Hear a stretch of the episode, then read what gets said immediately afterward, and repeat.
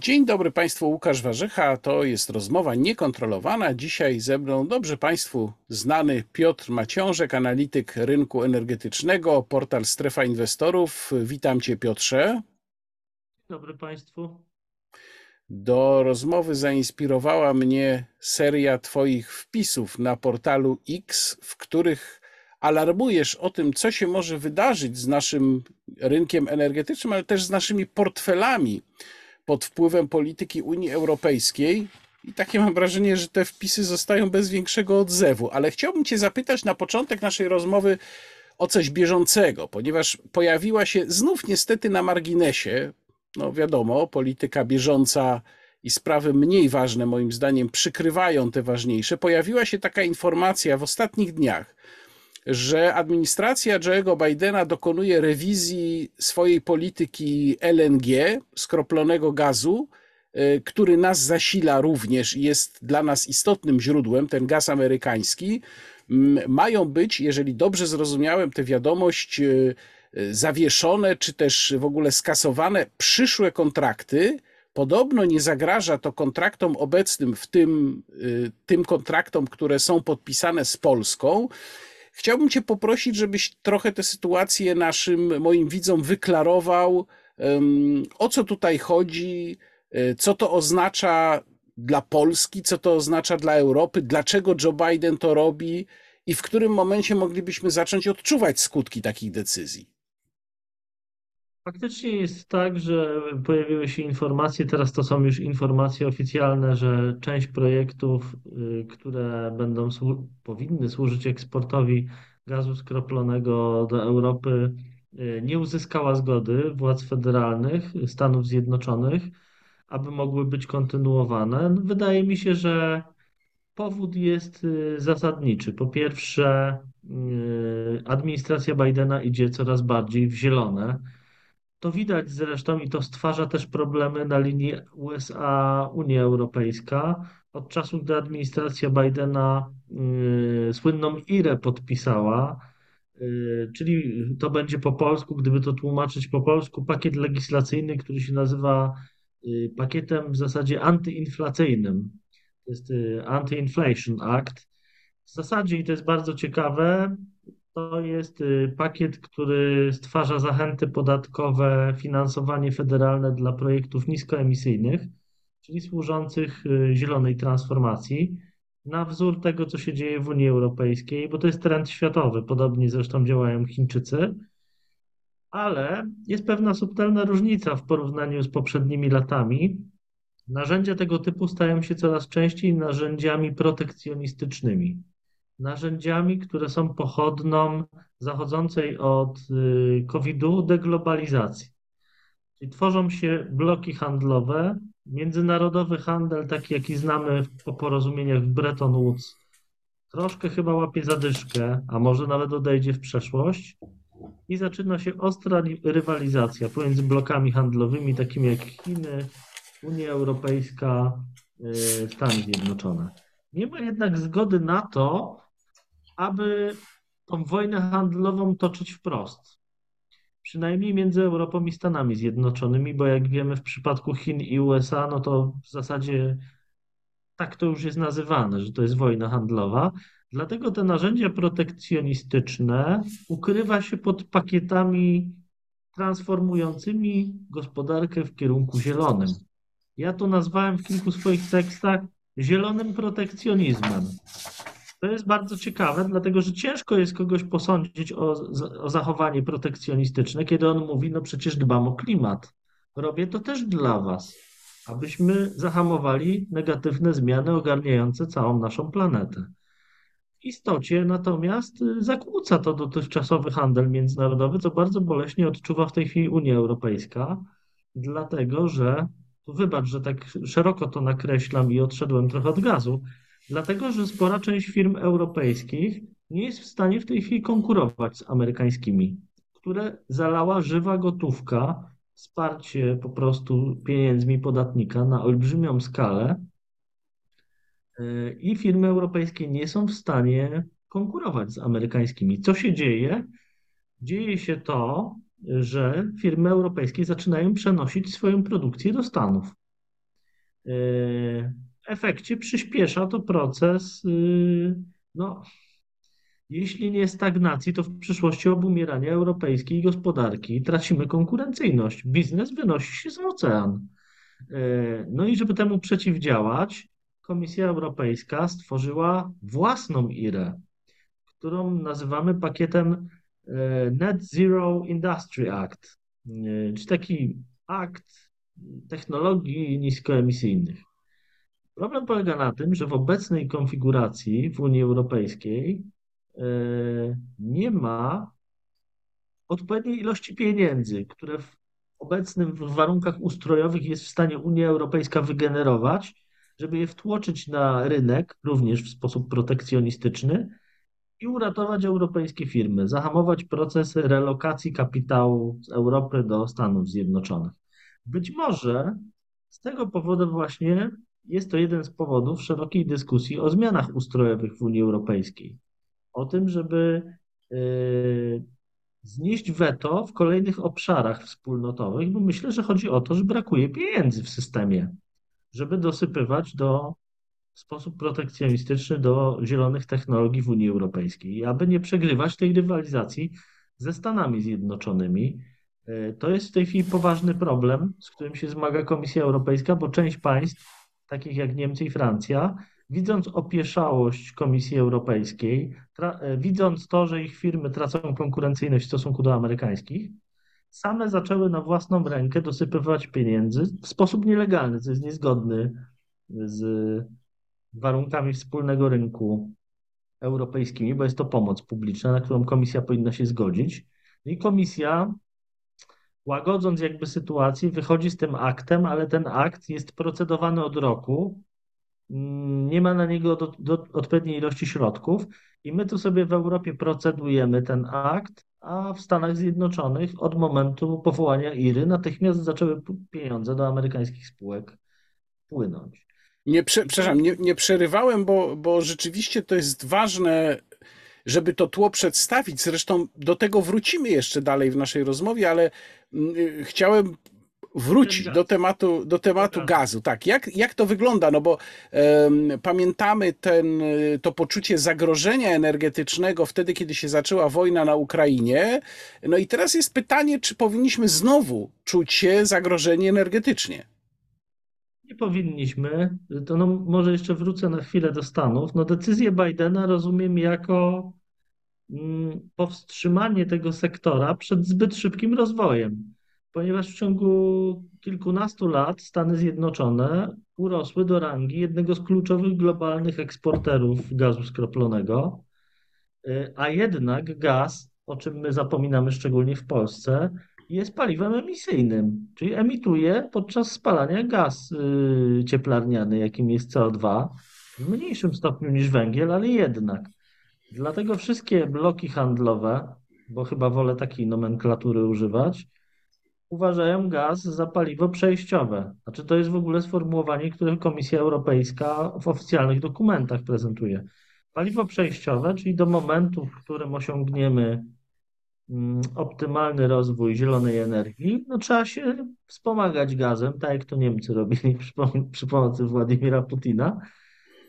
Ale y, do, do, wszystkich tych bloków handlowych dociera y, prawda, że nie można przeskalować tych inwestycji, bo jeżeli je przeskalujemy, jeżeli będzie takich terminali na przykład w Stanach zbyt dużo, to ciężko będzie w horyzoncie czasowym y, określonym zredukować emisje o takie poziomy, jakie ustalono międzynarodowo. A przypomnijmy, od roku 2015 mamy pierwsze w historii globalne porozumienie paryskie, obejmujące, jeśli się nie mylę, około 180 państw, które powiedziały, że yy, no do końca stulecia globalna średnia temperatura nie powinna wzrosnąć o 1,5 stopnia Celsjusza. Oczywiście większość tych państw nie nałożyła na siebie żadnych surowych tutaj e, kijów, które, którymi byłyby te państwa smagane za niewypełnienie tego, ale Europa już na przykład tak. E, tutaj do sprawy bardzo poważnie się podchodzi i są po prostu za to przewidziane kary.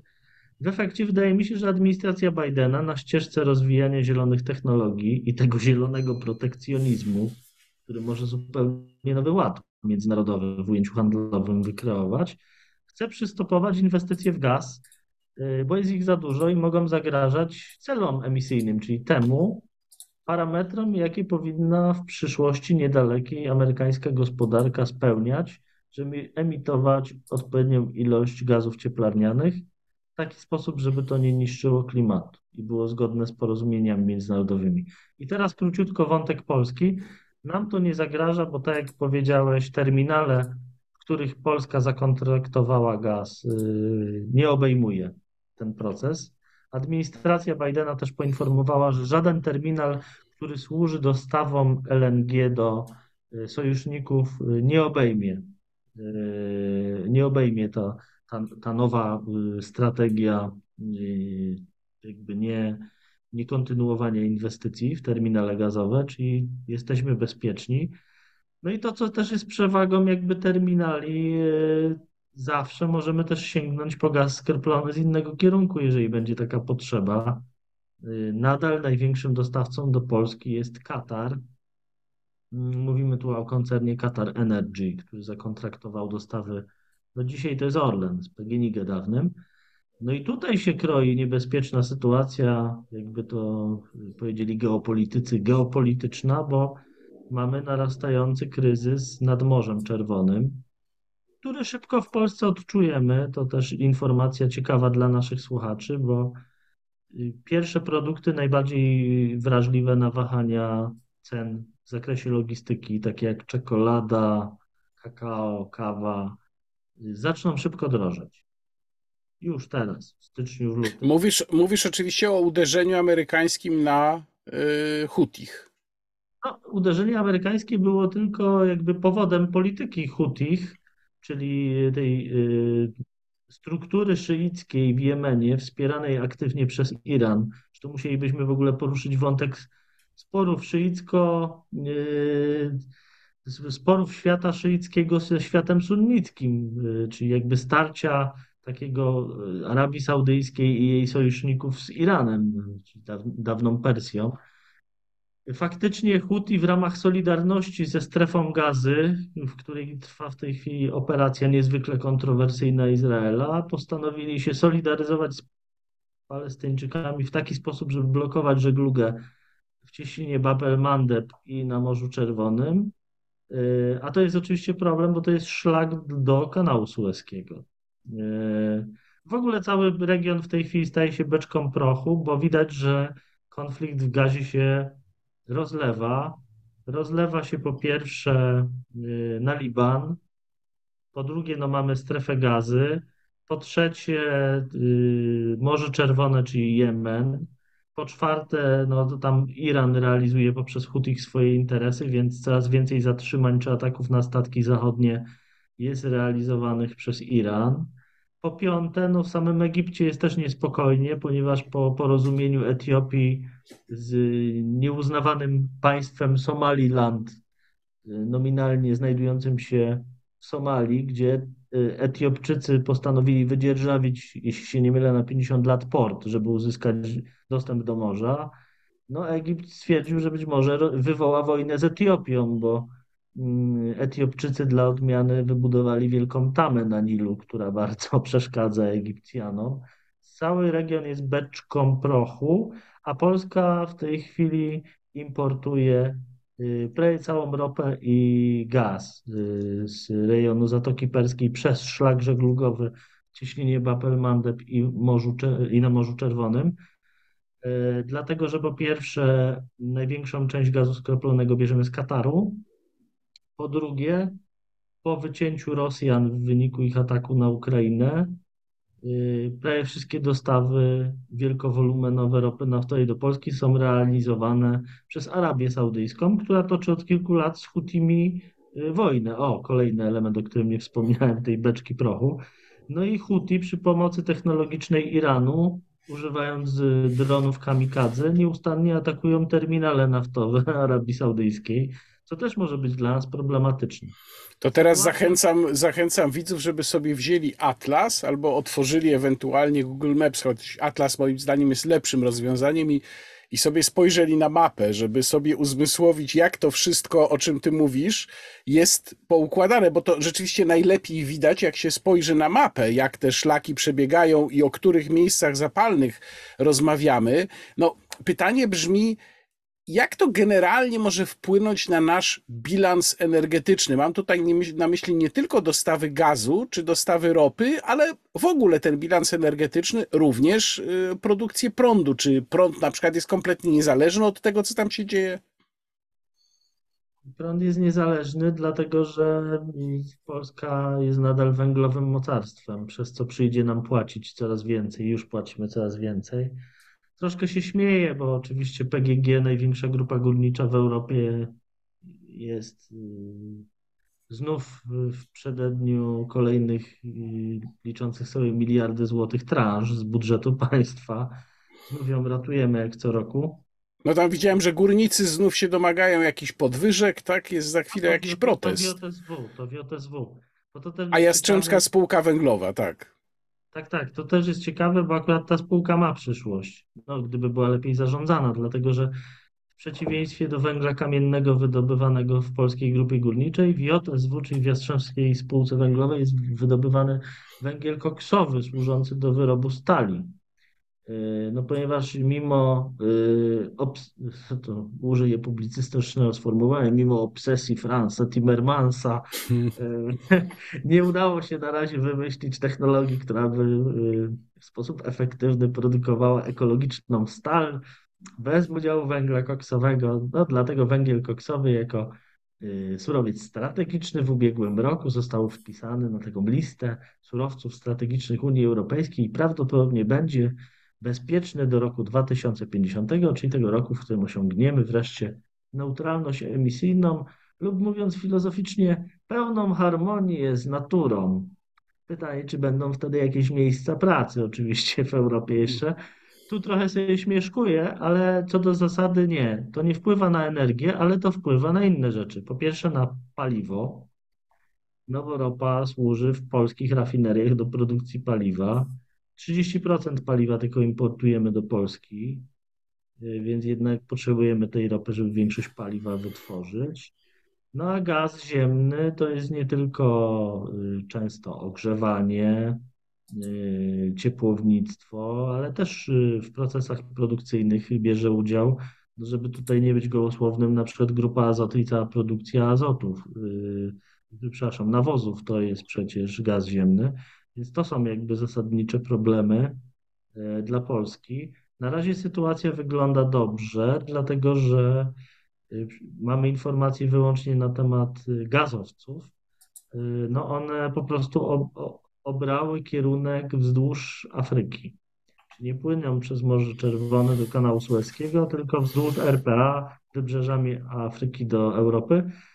Co oczywiście jest problematyczne z tej, z tej perspektywy, że wydłuża się czas dostaw, prawda? No i też chyba cena się wydłuża, e, rośnie tych dostaw, prawda? No bo to jest po prostu więcej spalonego. Nie rośnie, mimo dłuższej trasy. Na szczęście nie, dlatego że formuła kontraktowa zawarta w tych dostawach mówi o tym, że całkowitą odpowiedzialność za dostawę do portu odbioru surowca bierze na siebie strona katarska. Czyli to jest ich problem, to oni będą jakby co dopłacać. To tu akurat jesteśmy bezpieczni, na szczęście. No ale zawsze pojawia się pytanie, yy, czy ten konflikt, o którym już mówimy, yy, się jeszcze mocniej nie rozleje, nie rozleje, czy, czy w pewnym momencie nie sparaliżuje yy, żeglugi po prostu w tej części świata. No przypomnijmy, że Iran, który tam jest głównym czynnikiem destabil, destabilizacji sytuacji regionalnej, no terytorialnie Cieśninę Ormus współkontroluje, czyli wyjście z Zatoki Perskiej, prawda? I to jest, i, i, i to jest jakby bardzo duży problem z perspektywy Polski. E, no myśmy też dostawy rosyjskiej ropy, tutaj przeskoczę na chwilę na ropę, zamienili na dostawy saudyjskiej, niemalże jeden do jednego wolumenowo. To też pokazuje, że w przyszłości trzeba by było jednak to bardziej zdywersyfikować. E, co się wydarzy, zobaczymy. Na pewno tej zimy e, no jest dobrze, tak? bo mamy duże zapasy. E, w tej chwili Wybaczcie Państwo, ale mimo, że staram się posiadać y, wiedzę humanistyczną, nie wszystko mam w głowie, ale jest piękna strona AXI, Stowarzyszenia Europejskiego, która podaje y, poziom magazynów gazu w Europie. Możemy link, link zamieścić w opisie filmu do tej strony. Jasne. I w całej Unii Europejskiej zapasy gazu są rekordowe 71%, a w Polsce 79%. Co oznacza, że jesteśmy absolutnie bezpieczni, no bo wchodźmy w luty za moment. A w zasadzie kwiecień to już będzie, to już nie jest y, miesiąc, w którym, to już jest miesiąc y, jakby pozasezonowy, w którym się zaczyna myśleć raczej powoli o zatłaczaniu ponownym magazynów, a nie o tym, żeby się martwić o zapasy. Na pewno tu pomogło y, też to, że magazynowaliśmy część gazu na Ukrainie, co jest ciekawe. Czyli dbajmy, czy dbajmy, myślmy o tym, żeby Bliski Wschód się kompletnie nie rozleciał, czy żeby kompletnie się nie zapalił. A z innej beczki pytanie, ale wciąż trzymam się tematu energetycznego. Co Twoim zdaniem powinno się stać z ustawą wiatrakową? No, ja myślę, że mamy dwie najważniejsze siły polityczne w kraju, czyli powiedzmy sobie koalicję obywatelską plus jej koalicjantów i Prawo i Sprawiedliwość i niczym się nie różnią. Obydwie wersje, obydwie wersje projektów były absolutnym skandalem, jeśli chodzi o energetykę lądową, wiatrową. No PiS w zasadzie wprowadzając limit 700 metrów budowy nowych turbin od y, zabudowań zamieszkanych przez ludzi, w zasadzie wykluczył 96-7% terytorium Polski z budowy nowych instalacji wiatrakowych. Natomiast y, Potem przyszedł rząd koalicji obywatelskiej, czy tam koalicji, przepraszam, 13 października, dobrze mówię? 13 grudnia. No to zależy. To, e, obie nazwy są właściwe w zależności od tego, kto nas słucha i może sobie wybrać, proszę bardzo. Tak, no i tutaj w sposób niezaplanowany, niespodziewany zaproponowano limit 300 metrów co byłoby moim zdaniem ekstremalnie uciążliwe dla ludzi sąsiadujących z y, wiatrakami.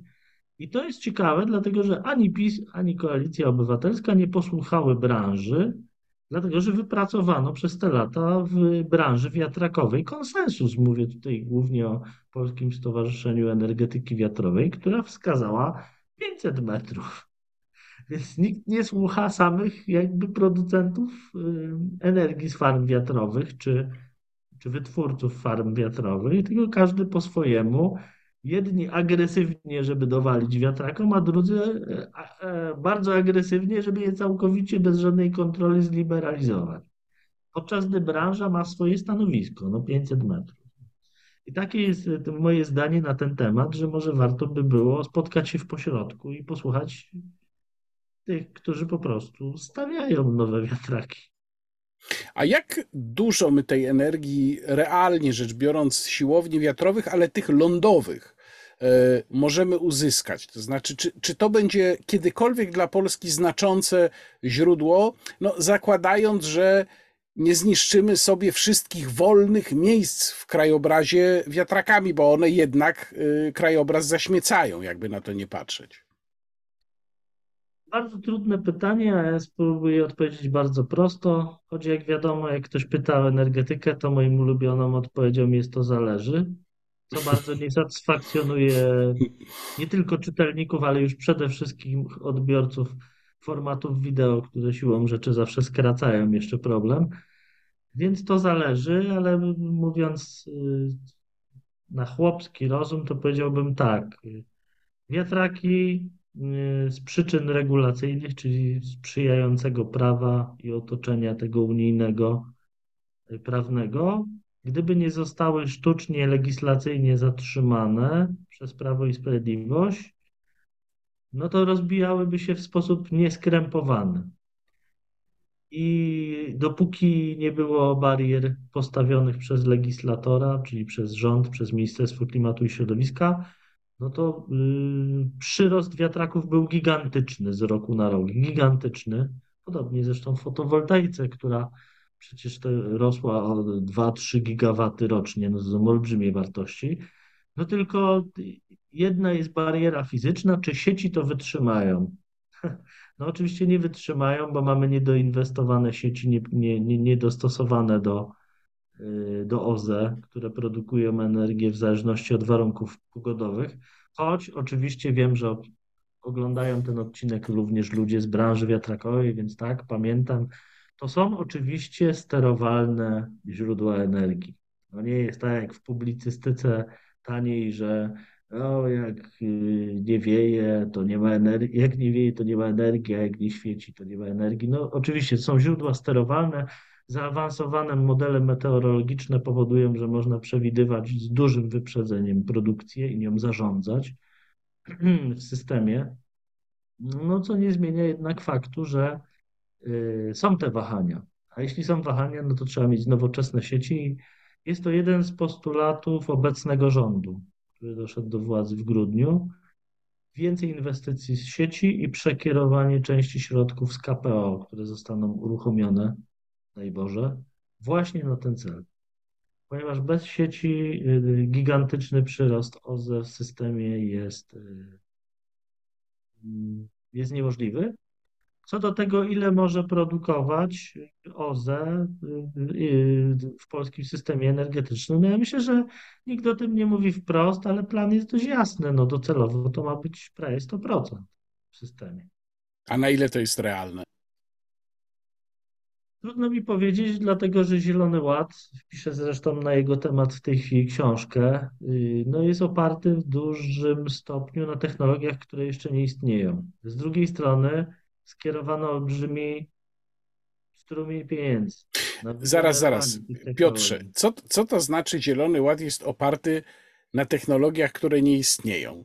Jak może być oparty plan, który, który całkowicie zmienia y, i, i sposób życia, i sposób funkcjonowania gospodarki europejskiej na technologiach nieistniejących? No może i tak było wielokrotnie w historii, bo przecież energetyka jądrowa też nie istniała od zawsze. W pewnym momencie była nową technologią i ktoś podjął decyzję, czy to była decyzja ekonomiczna, czy ideologiczna. No, wielkie zmiany gospodarcze zawsze są w pewnym stopniu ideologiczne, choć trzeba przyznać, że Polakom gospodarka centralnie planowana nie kojarzy się najlepiej.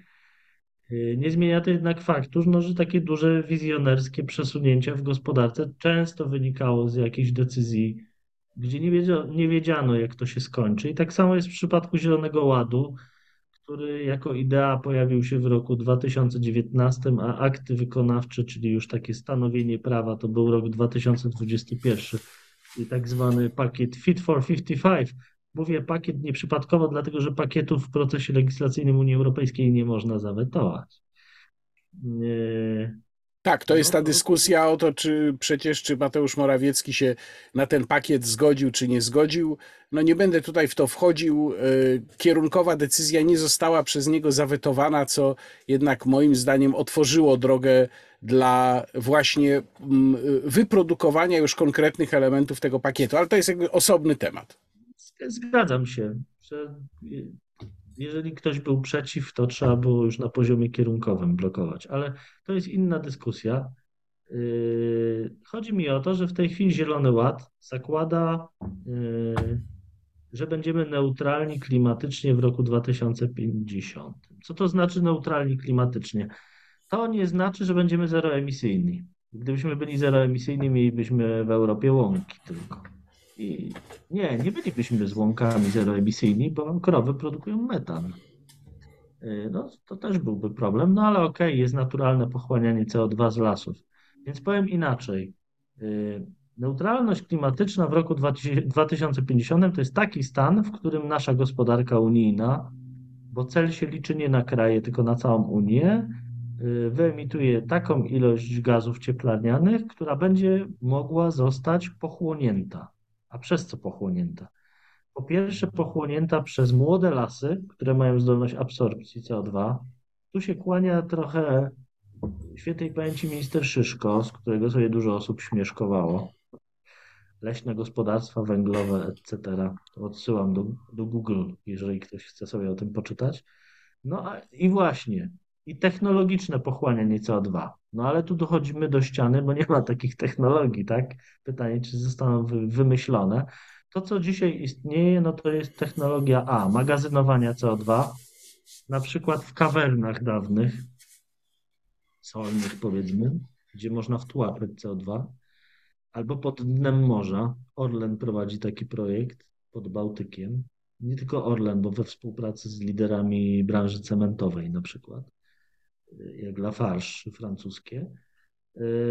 No i jest jeszcze technologia wychwytywania CO2. Tutaj opowiem pewną anegdotę, jeśli mogę, bo nie wiem ile mamy czasu na temat tych dwóch technologii.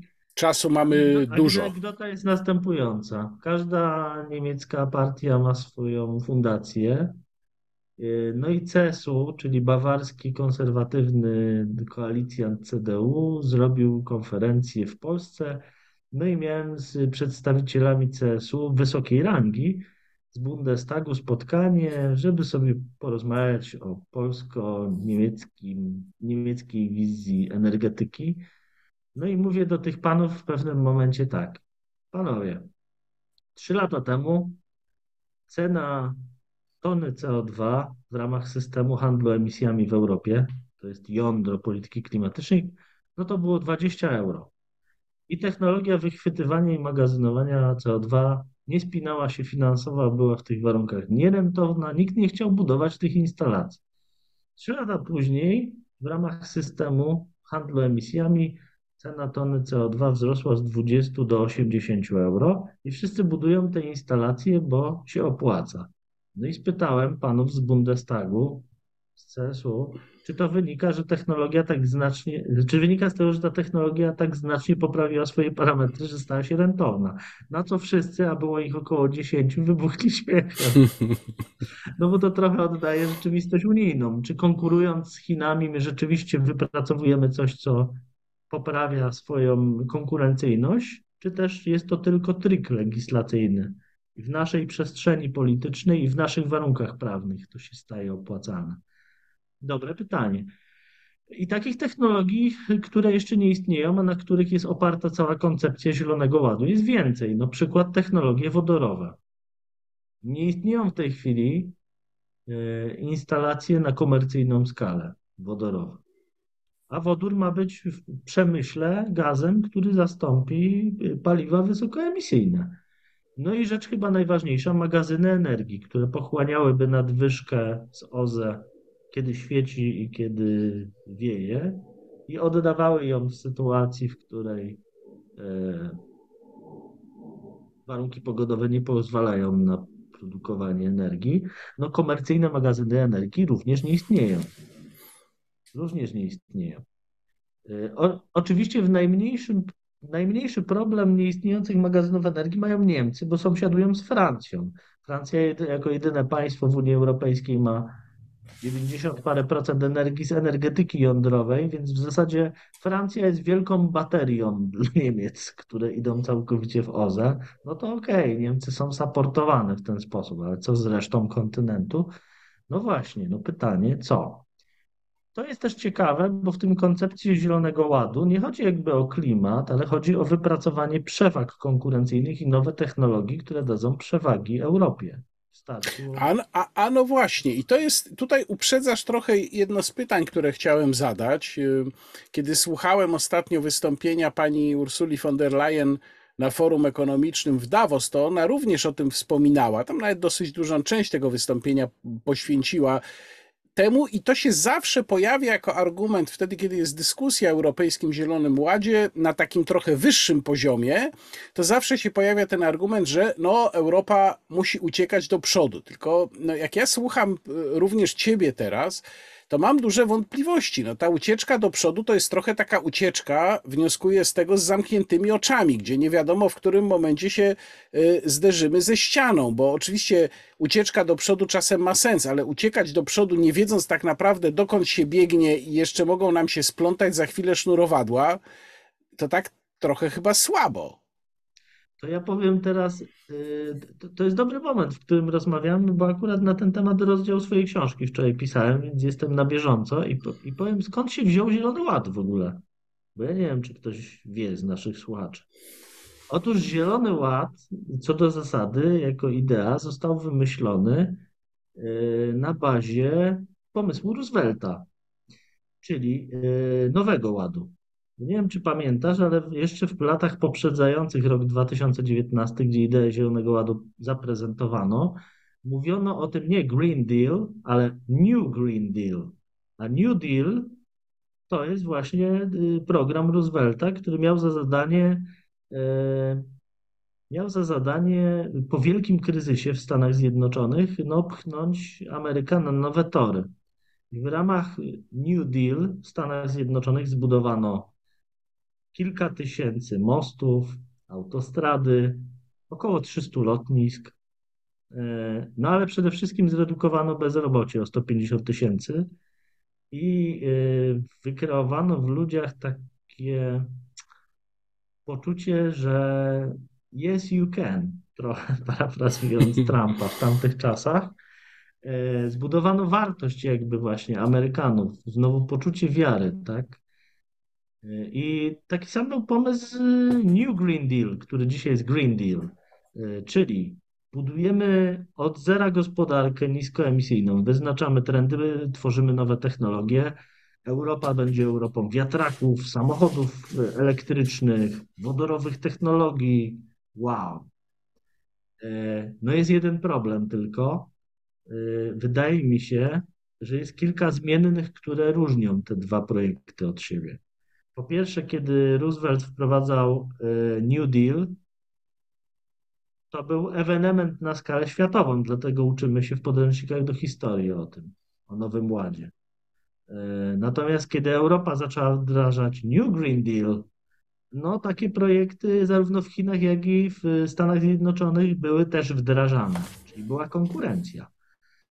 I drugi case, e, New Deal Roosevelta Dał Amerykanom pieniądze, ograniczył bezrobocie i napędził przez to gospodarkę. E, a New Green Deal no, powoduje póki co koszty transformacyjne, czyli zamiast ograniczyć bezrobocie i dać ludziom pieniądze, generuje kolejne podatki i obciążenia fiskalne wynikające na przykład z tego, że trzeba domy przebudowywać, żeby były niskoemisyjne, zmienić samochód, który był dobry i mógłby jeszcze jeździć 7 lat, ale będą strefy niskoemisyjne w europejskich miastach. Więc to są zasadnicze różnice. I, I teraz już konkluzja, żeby nie wpadać w monolog.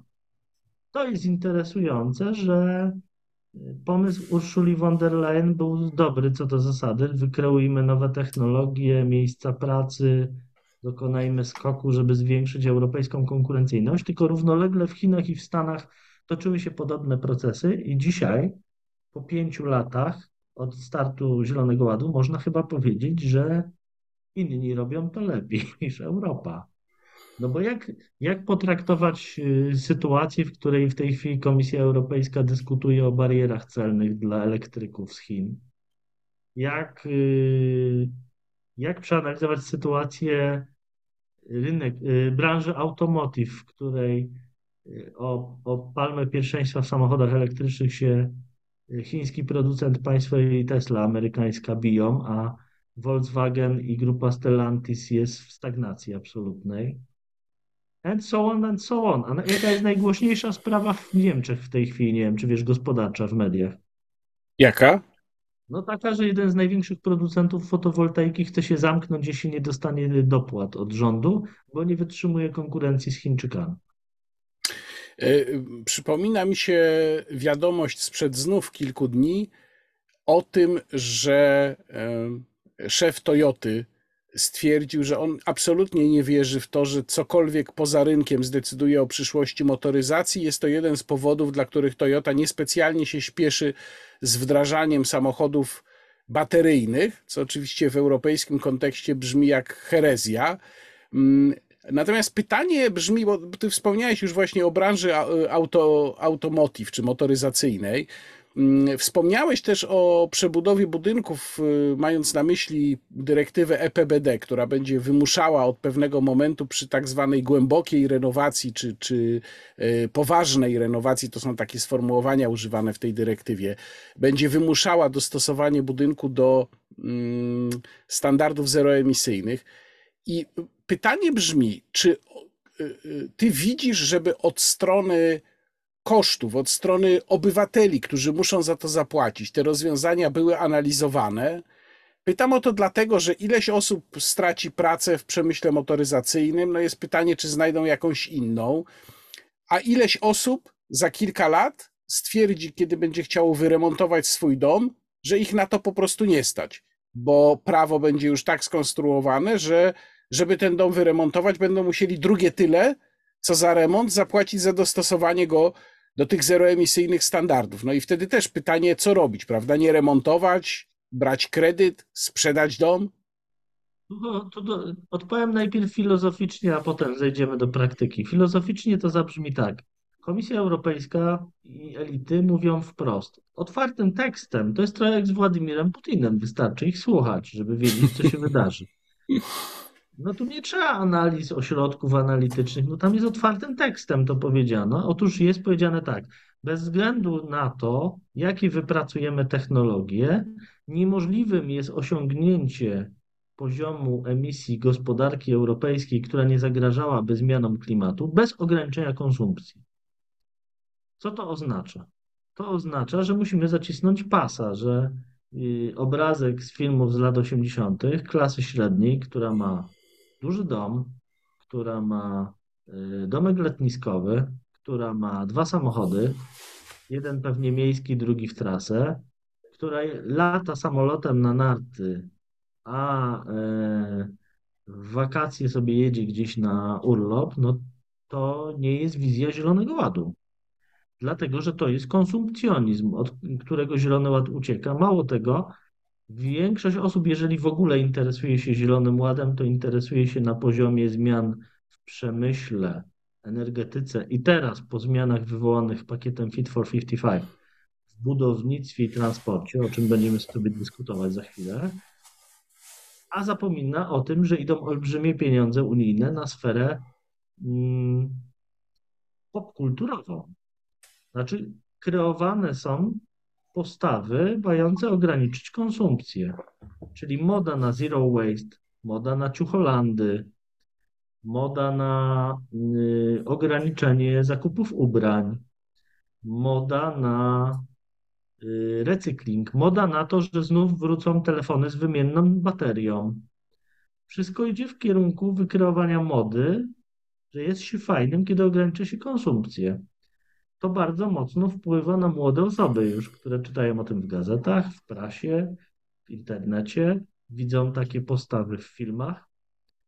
Yy, I okej, okay, ja tego nie krytykuję, tylko bądźmy świadomymi obywatelami. No, ograniczenie konsumpcji powoduje, że niższa klasa średnia w Polsce nie będzie wyższą klasą średnią, a klasa robotnicza, która proszę mi zaufać, bo sam pochodzę z mojej miejscowości, no nie awansuje do poziomu klasy średniej, bo to się zabetonuje, bo te drogi awansu się zmniejszą, bo przy ograniczeniu konsumpcji no daleko idące zmiany nastąpią.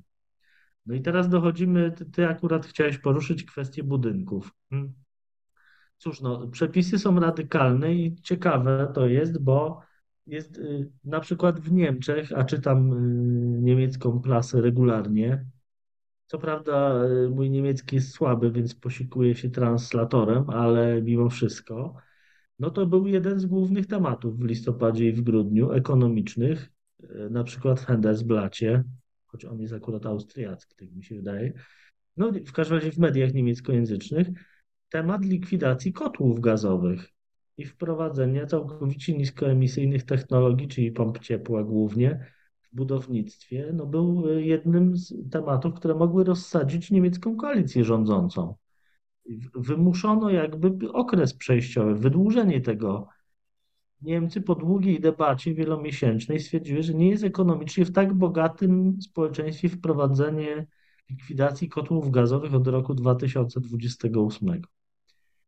Czyli widać, że w bardzo zamożnych krajach to budzi kontrowersje. Co dopiero w Polsce? No, popatrzmy do Eurostatu. No, nie jesteśmy w czołówce, jeśli chodzi o PKB per capita, nawet w ujęciu siły nabywczej.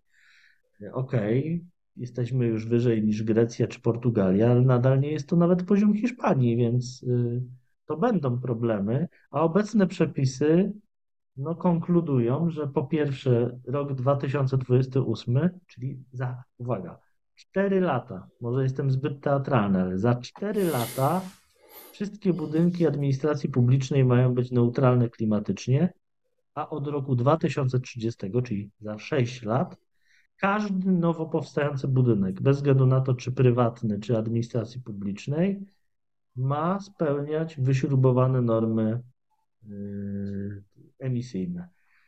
No i są sytuacje takie jak na przykład w mojej rodzinie, gdzie dwa lata temu zrezygnowano z kotła węglowego w budynku, zainwestowano, a u małych wspólnot składających się na przykład z dwóch, trzech budynków to jest bardzo duży wysiłek. Zainstalowano kocioł gazowy, no i trzeba będzie to likwidować za moment, bo co prawda te przepisy y, mówią o nowych budynkach, ale przecież wszyscy wiemy, jak działa Unia Europejska, tak? Najpierw się wsadza nogę w drzwi za moment będą podnoszone cyklicznie podatki od emisyjności, które po prostu spowodują stopniowo i w dość szybkim tempie, bo tempo jest naprawdę szaleńcze, yy, spowodują, że trzeba będzie płacić podatkowo wysokie stawki yy, za emisyjność swoich budynków. No nie wiem, czy Państwo wiecie, ale nadchodzące lata i ten rok no są rekordowe, jeśli chodzi o różnego rodzaju podatki klimatyczne w Polsce i Unii Europejskiej. Od 1 stycznia mamy podatek od plastiku, czyli mamy 25 groszy za sztukę za pojemniki jednorazowe, 20 groszy za sztukę, jeśli chodzi o kubki na napoje, pokrywki, wyroby tytoniowe, chusteczki nawilżane, ale balony, jeżeli będziemy chcieli zrobić dziecku yy, urodziny. No a kolejne lata, no to na przykład 2024 czyli już w tym roku to mamy podatek klimatyczny od nabycia samochodu, w zależności od jego emisyjności. Dwa lata później mamy podatek klimatyczny od posiadania samochodu, w zależności od standardu paliwa, euro, jaki, jaki, jaki posiada samochód. 2027 podatek od emisji budynków. I dzisiaj też Unia Europejska mówi prostym tekstem, stawki tych podatków to są stawki wyjściowe w okresie przejściowym będzie drożej, będzie rosnąć. Yy, więc yy, no oczywiście to będzie olbrzymi problem dla zwykłych ludzi. Yy, w Unii Europejskiej się mówi, OK, są różnego typu fundusze, solidarnościowe mechanizmy. No właśnie, bo to jest ten argument, który się często pojawia, kiedy podnoszona jest ta sprawa kosztów dla zwykłych ludzi. Ja zawsze wtedy słyszę od polityków, ale przecież będą dofinansowania. No tylko ja się tak wtedy zastanawiam, czy te dofinansowania będą dla każdego po pierwsze, a po drugie, jako gospodarczy liberał, ja pamiętam doskonale, że pieniądze nie rosną na drzewach, tylko żeby było dofinansowanie, to najpierw skądś te pieniądze trzeba wziąć. Krótko mówiąc, komuś trzeba je zabrać w podatkach. Ciężko dyskutować na ten temat, czy będzie wystarczająca ilość środków i czy zostaną wygenerowane nowe mechanizmy pomocowe, jeżeli trwa dyskusja na temat tego, ile te zmiany y, pod nazwą Zielony Ład w ogóle będą kosztować, dlatego że w, zesz- w ubiegłym tygodniu Financial Times opublikował raport, do którego dotarł Komisji Europejskiej. Nie wiem, czy został już upubliczniony, czy zostanie w najbliższych dniach, ale do 2050 roku będziemy wydawać jako Unia Europejska półtora biliona euro rocznie, żeby osiągnąć cele stawiane nam i naszym gospodarkom przed rokiem 2050. E, to są kwoty niewyobrażalne, moim zdaniem. Polska jest jeszcze w tej szczęśliwej sytuacji, że podobnie jak armia, energetyka jako zasób poprl-owski właśnie u nas dogorywa, więc i tak trzeba ją zbudować od nowa. Więc w pewnym sensie to działa na naszą korzyść, bo i tak musielibyśmy to zrobić, a jednak zrobimy to przy wsparciu Unii Europejskiej. E, no, ale są państwa pewnie, które będą się musiały gruntownie przebudować y, no może nie od zera, ale w dużym stopniu. E, Pytanie, czy to się wszystko zepnie i czy to będzie służyć poprawie europejskiej konkurencyjności e, na rynkach światowych, bo tak jak powiedziałem, era globalizacji się kończy, nadchodzi deglobalizacja, e, nadchodzą nowe zjawiska. No niektóre są sprzyjające Polsce, tak jak decoupling, czyli przenoszenie części produkcji z Chin czy Azji do, do, do Polski, bo to się dzieje też, a niektóre są negatywne, bo na przykład będzie trzeba wybierać pomiędzy współpracą z Chinami a USA. I to już ma miejsce w Polsce, bo przecież y, sprawa Huawei to pokazuje. Ja bym jeszcze dodał, ja bym jeszcze dodał do tego, co powiedziałeś, że po pierwsze mamy wielką niewiadomą w postaci tego, kto wygra wybory w Stanach Zjednoczonych i jaką politykę Stany będą potem prowadzić. I po drugie, no jest pytanie, które się gdzieś moim zdaniem nad tym wszystkim unosi.